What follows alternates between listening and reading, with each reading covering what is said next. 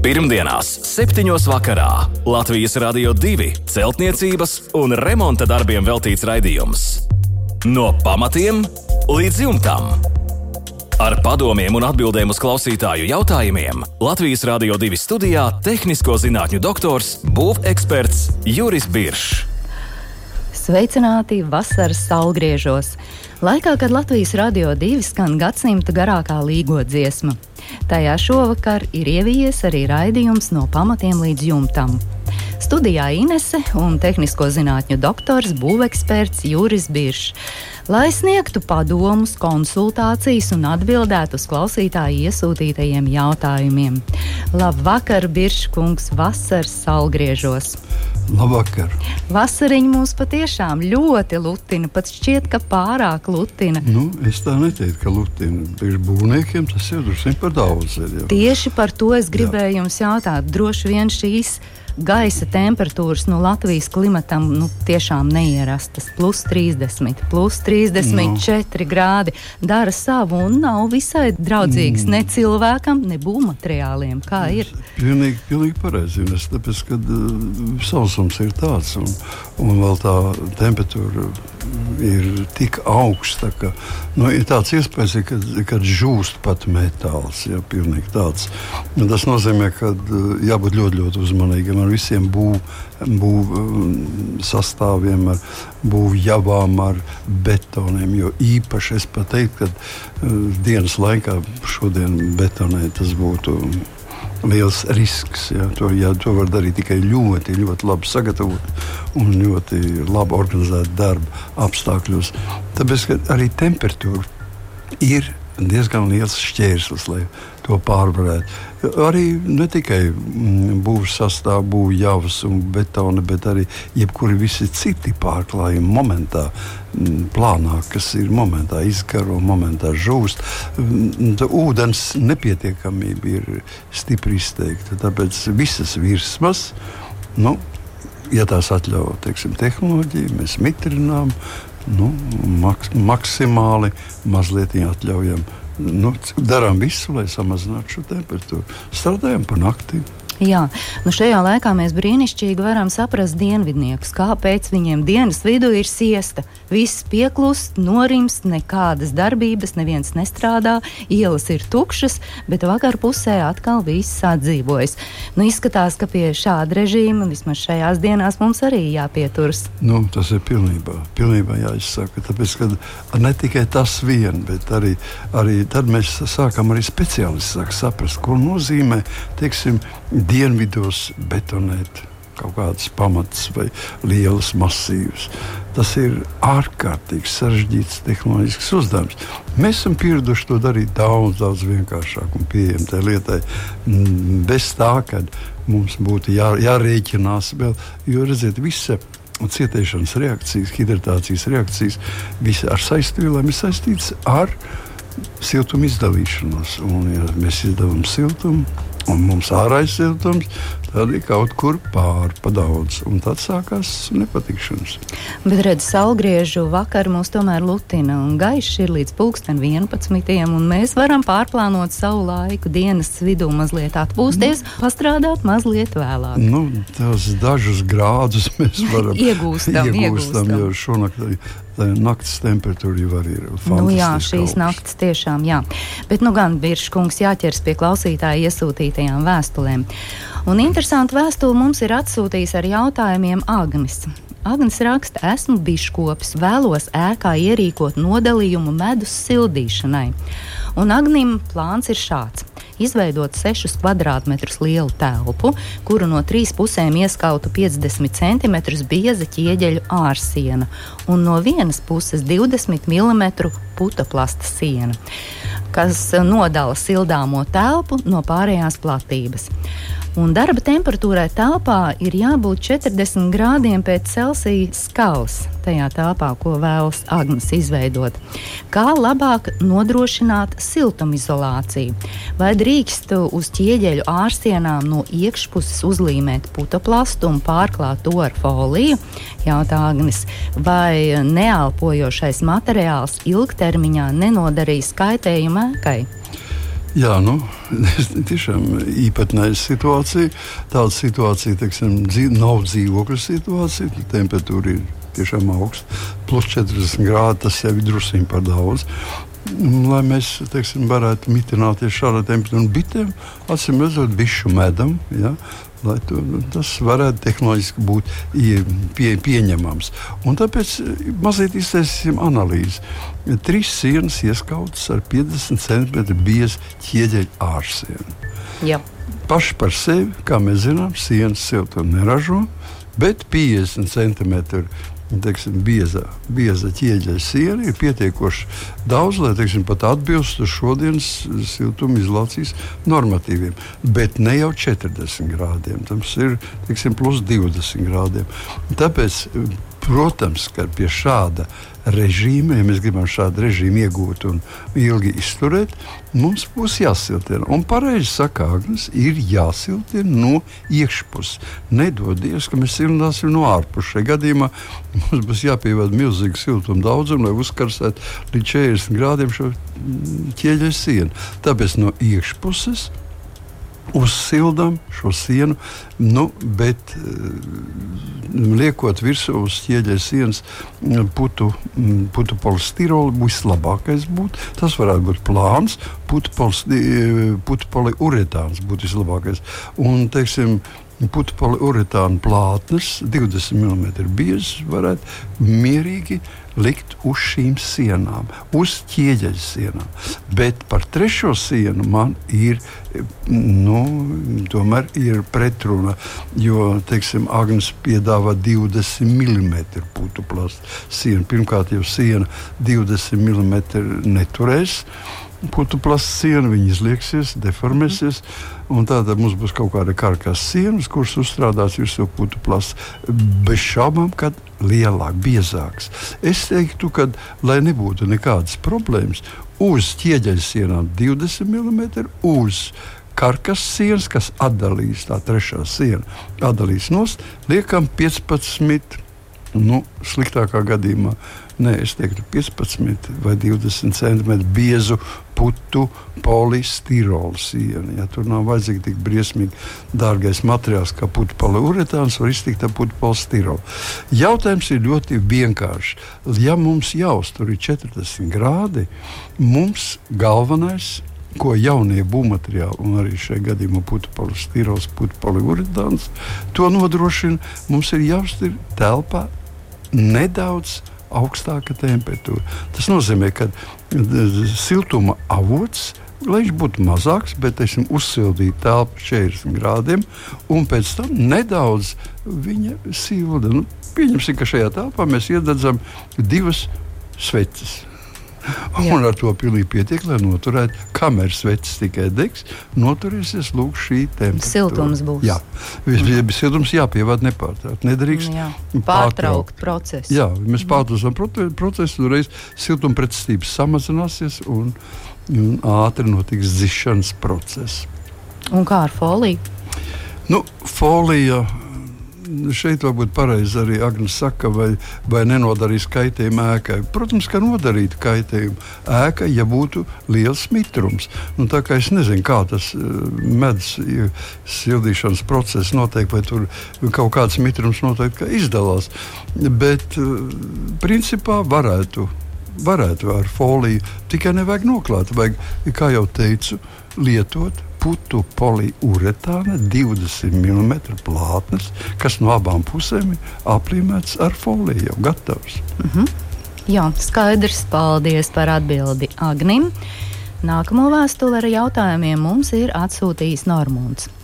Morējot pusotru stāvēku, izmantoti 300 x 200 x 600 gāzbetona bloki ar 2,7 ņūtoni uz kvadrātmilimetru spiedas noturību. Doma ir lietot 3 mm tērauda armatūru kuru ievietot līmjavā, neveidojot gropes bloku virskārtām. Vai šāda tehnoloģija būtu pareiza un tā strādātu? Un vēl Normons jautā, varbūt labāk izmantot stikla šķiedras armatūru. Ko jūs teiksiet, Biržkungs? Viss kaut ko, ļoti daudz ko varētu runāt par šo, par šo jautājumu. Es tā īstenībā neatbalstu šādu risinājumu, jo šis risinājums ir nu, tomēr mazliet atšķirās no tā, kas ir pieņemts Latvijas būvnormatīvos. Un, un arī no veselā saprāta izējot mūsu klimatiskos apstākļos, vienmēr ir labāk nevis izmantot šīs stiegrojumu šu, eh, līmējums šuvās, šuvēs, bet izmantot spriegums, sam, izlīdzinošo dzelzbetona joslu, kas ir apkārt pa visu perimetru un arī pa šķērs sienām.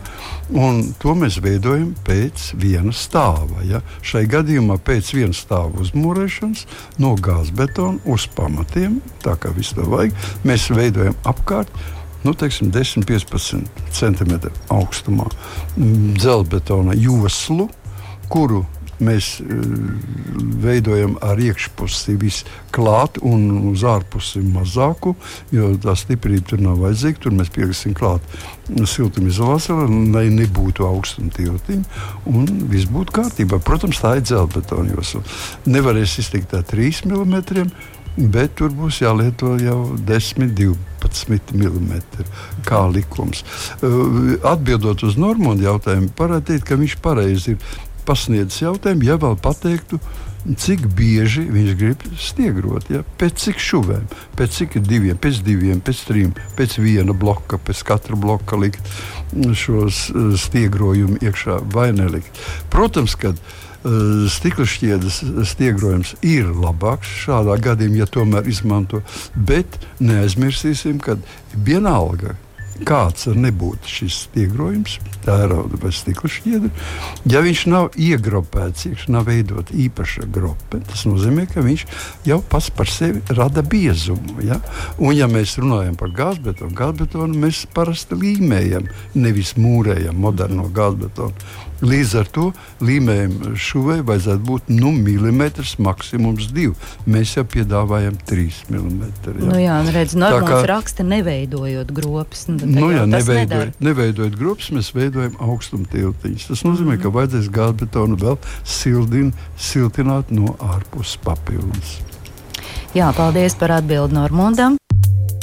Pirmdienās, 7. vakarā Latvijas Rādio 2 celtniecības un remonta darbiem veltīts raidījums. No pamatiem līdz jumtam. Ar padomiem un atbildēm uz klausītāju jautājumiem Latvijas Rādio 2 studijā - tehnisko zinātņu doktors, būveksperts Juris Biršs. Un nākamo vēstuli mums ir atsūtījis Visvaldis, un tā skan šādi. Pagājušā gadsimta 30. gadu sākumā celtas guļbūves grīdas pīrāgs māls, 10 cm kaļķis, 30 mm sausi smalki izdeģi. 100 mm lāgas un 34 mm grīdas dēļi. Un visvalds jautā, vai varu atstāt apakšā esošo skaļķi un izdeģus, sajaukt ar šķembām, un tas veidos ap 70 mm filtrējošo kārtu. Un tad viņš ir nospriedzis klāta melno plēvi, 50 mm putu polisterolu, mitrumu izturīgu ģipškartonu, grīdas ģipškartonu, šķērslatojumu un koka grīdu. Gruntsūdenis esot 60 cm no zemes virsmas. Vai viss šeit ir pareizi, Pirškungs? Nu, gribēšana ir un, un, un savā ziņā. Varēšana arī ir. Varēšana arī mazliet ir ar to pieklibots ar to, ka, nu, kāpēc. Vai, tāpēc arī jūt, cilvēks jūt, ka automātiski vajag kaut ko paprasīt. Ja? Šai gadījumā mums jāsaprot viens, kad šai guļbūvē, un guļbūves nekad augsts nav mums, slodze ir maza. Un tomēr jau pagājušajā gadsimta 30. gados ir tāda sarežģīta grīda izveidot. Un, un tagad mēs mēģinām kaut ko tur uh, labot. Redziet, lietas būtība ir sekojoša nevajadzētu maisīt to kaļķi un iztečus. Ja to, tu es, praktiski es negribētu maisīt to kaļķi. Kaļķim vajadzētu palikt tur, kur viņš ir. Tos izdeģus var sajaukt ar šķembām, vienus pašus, un veidot nu, ne 70, bet būtu labāk drusku vairāk, 100 mm biezu noblietētu kārtu, un tad uz viņas tālāk likt visu to, kā to ir paredzējis visvalds. Tātad jautājums, kāpēc? Tas ir tikai viens, lai atdalītu pilienu veida ūdeni, kas tomēr nāk no grunts, gruntsūdens, maksimums 60 cm no zemes, no zemes virsmas. Tas ir ļoti augsts gruntsūdens līmenis. Tas nozīmē, ka viņš kapilāri baros šo, šo grunti, kas atrodas virs un nonāks līdz mūsu grīdas konstrukcijai obligāti. Tāpēc mums viņš ir jādala no pilienveida ūdens, un šis pilienveida ūdens jāpārvērš par ūdens tvaikiem. Lai to mēs izdarītu, mēs veidojam šķembu klājumu apmēram 100 mm biezumā Un tātad starp katru šķembu daļiņām būs lielas atstarpes, salīdzinot, kā tas būtu ar, ar smiltīm vai ar kaļķi. Ja? Un, jo mums nevajag nekādas filtrācijas, mums nevajag nekādas balstus, mums vajag tikai vienu, lai un lai ūdens paceltos līdz šim šķembu slānim, un tālāk netiek. Tālāk viņš uzsilst, pāriet tvaikveidā, ceļās uz tagad viņš var iet gar šķembu gabaliņam uz augšu un tiek uztverts uz uz plēves, ja, melnā plēve, lūdzu, lai būtu melnā plēve. Ja. Tālāk iet ir, viņš tur kondensēsies un pilēs atpakaļ. Visi mitrie procesi paliek līdz plēvē. Tālāk mums ir 50 mm putekļa polistirols, mituram izturīgais ģipškartons, piekrītu, grīdas ģipškartons un Tālāk atkal ir šķērslatojums, kas nav vajadzīgs. Nav vajadzīgs. Mēs šķērslatojam vietā, lietojam to pašu koka dēli. Tikai liekam viņu plakaniski, ik pa 30 centimetriem, un uz viņiem iestrādājam kā peldošu grīdu, iestrādājam visu dēļu klāt, klātne. Ja? Tā kā mazliet pielabojot, tā grīda būs ļoti laba. Nu, re, man arī tā pavisam skaidrs.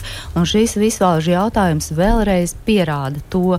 Pirms jūs esat nosprieduši veikt kādus lielus darbus būvniecībā, celtniecībā, remontēt ko, tad noteikti, ja jums rodas šaubas, labāk pajautājiet. Un Latvijas radio divi jums sniedz šo brīnišķīgo iespēju iegūt būveksperta konsultāciju.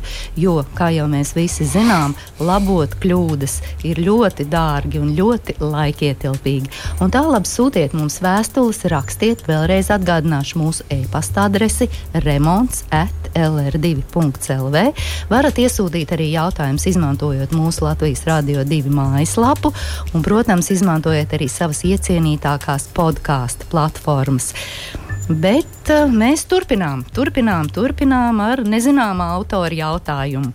Jautājums ir šāds: vēlos uzzināt, kādus pamatus labāk veidot 4x4 metri koka pirtiņai. Nu, nav visai liela pirtiņa, un vairāk informācijas mums arī pirša kungs nav. Tikai 4,4 Jā, nu, 4,4 nav liela pirtiņa. Tāpēc pie tā arī paliksim, ka pirtiņa nav liela. Tas nozīmē, ka slodze ir niecīga un pamati var būt visdažādākie. Sākot no betona un beidzot ar koku, ar smiltīm. Es pat teiktu, četri akmeņi, laukakmeņi. Ja? Katrs savā paksī, un tā pirtiņa ir kārtībā. Otram kārtām, teiksim, pavisam vienkārši, lai būtu, mēs varam aiziet uz būvmateriālu veikalu, nopirkt četrus grodus. Nevis lielos aku grodus, bet tādus mazus. 50 vai 40 centimetru diametrā, kas ir domāts kā cauruļu gali. Mēs viņus vienkārši varam ierakt, piepildīt, ierokams tur tajās vietās, kur mums vajag balstu. Viņi nav lielāki par kādiem 50, 60 centimetriem. Tātad ierokam viņus iekšā. Varam pat atstāt mazliet ārpusē, iekšpusē tukšumu. Pieberam ar šķembām un viss ir gatavs. Mēs varam uz, šīm, uz šiem četriem spilveniem būvēt savu karkasu 4,4 metru. Hmm, izklausās ļoti jauki un Jā, vienkārši. Vienkārši tur nav nekāda briesmība. Paldies par atbildi šo jautājumu.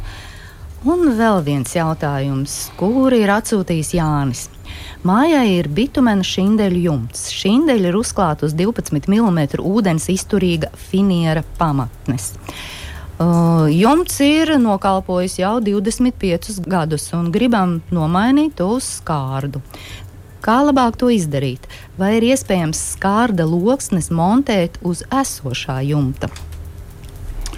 Nu, Darīt to var, un arī noteikti to var darīt tikai pie zināmiem noteikumiem. Pirmkārt, es gribētu, lai jūsu vecais jumts, bitumeņš, indēļu jumts, būtu pareizi uzbūvēts. Tas nozīmē, ka gaiss pie pašobelēm iet iekšā. Viņš, tātad tālāk viņš atrodas šajā bērniņa telpā, un bērniņa telpā viņam ir pie kuras jābūt atverē, kur viņš visā garumā, tātad tā, tā deflektora palīdzību, viņš iziet lauks ār, ārpusē. Ja šāda sistēma jums jau ir, tad nav problēmas. Mēs varam taisīt uz esošā jumta, likt virsū mm, šķērs, mm, tā sakot, latas, un uz tām latām likt virsū metālu jumta. Vienalga, pie tam viņš var būt falks metāls vai skrūvēm veidots metāls. Bet ja mums nav šī ventilācijas sistēma, tad viņi vispirms ir jāizdara. -hmm. Un tikai tad var likt kopā. Likt uz tās, izmantojot to pašu. Jo jāatcerās divas lietas. 12 mm ūdens izturīga finieru pamatne nav sevišķi. Viņa tomēr liecās, jāskatās, cik, cik attālumi ir starp spārēm. Tas jau vai nebeidzosies liekšanās, vai mēs varam papildus slodzi vēl likt virsū. Tas viss jāņem vērā. Mhm. Jā, paldies par atbildi Jānim. Uz Elīnas un pārējo klausītāju jautājumiem noteikti atbildēsim nākamajā raidījumā. Tas skanēs Latvijas radio divi ēterā jau pēc nedēļas. Mūsu raidījums šovakar tuvojas izskaņai. Jau pēc brīža gadsimta garākā līgo dziesma turpinās vīties cauri visai Latvijai un arī aiz tās robežām. Bet mēs jums vēlam brīnišķīgu saulgriežu vakaru, lustīgi, priecīgi, skanīgi Jāņa, lai jums izdodas un tiekamies pēc nedēļas. Visu labu! Pirmdienās, 7. vakarā Latvijas Rādio 2 celtniecības un remonta darbiem veltīts raidījums. No pamatiem līdz jumtam. Ar padomiem un atbildēm uz klausītāju jautājumiem Latvijas Rādio 2 studijā - tehnisko zinātņu doktors, būveksperts Juris Biršs.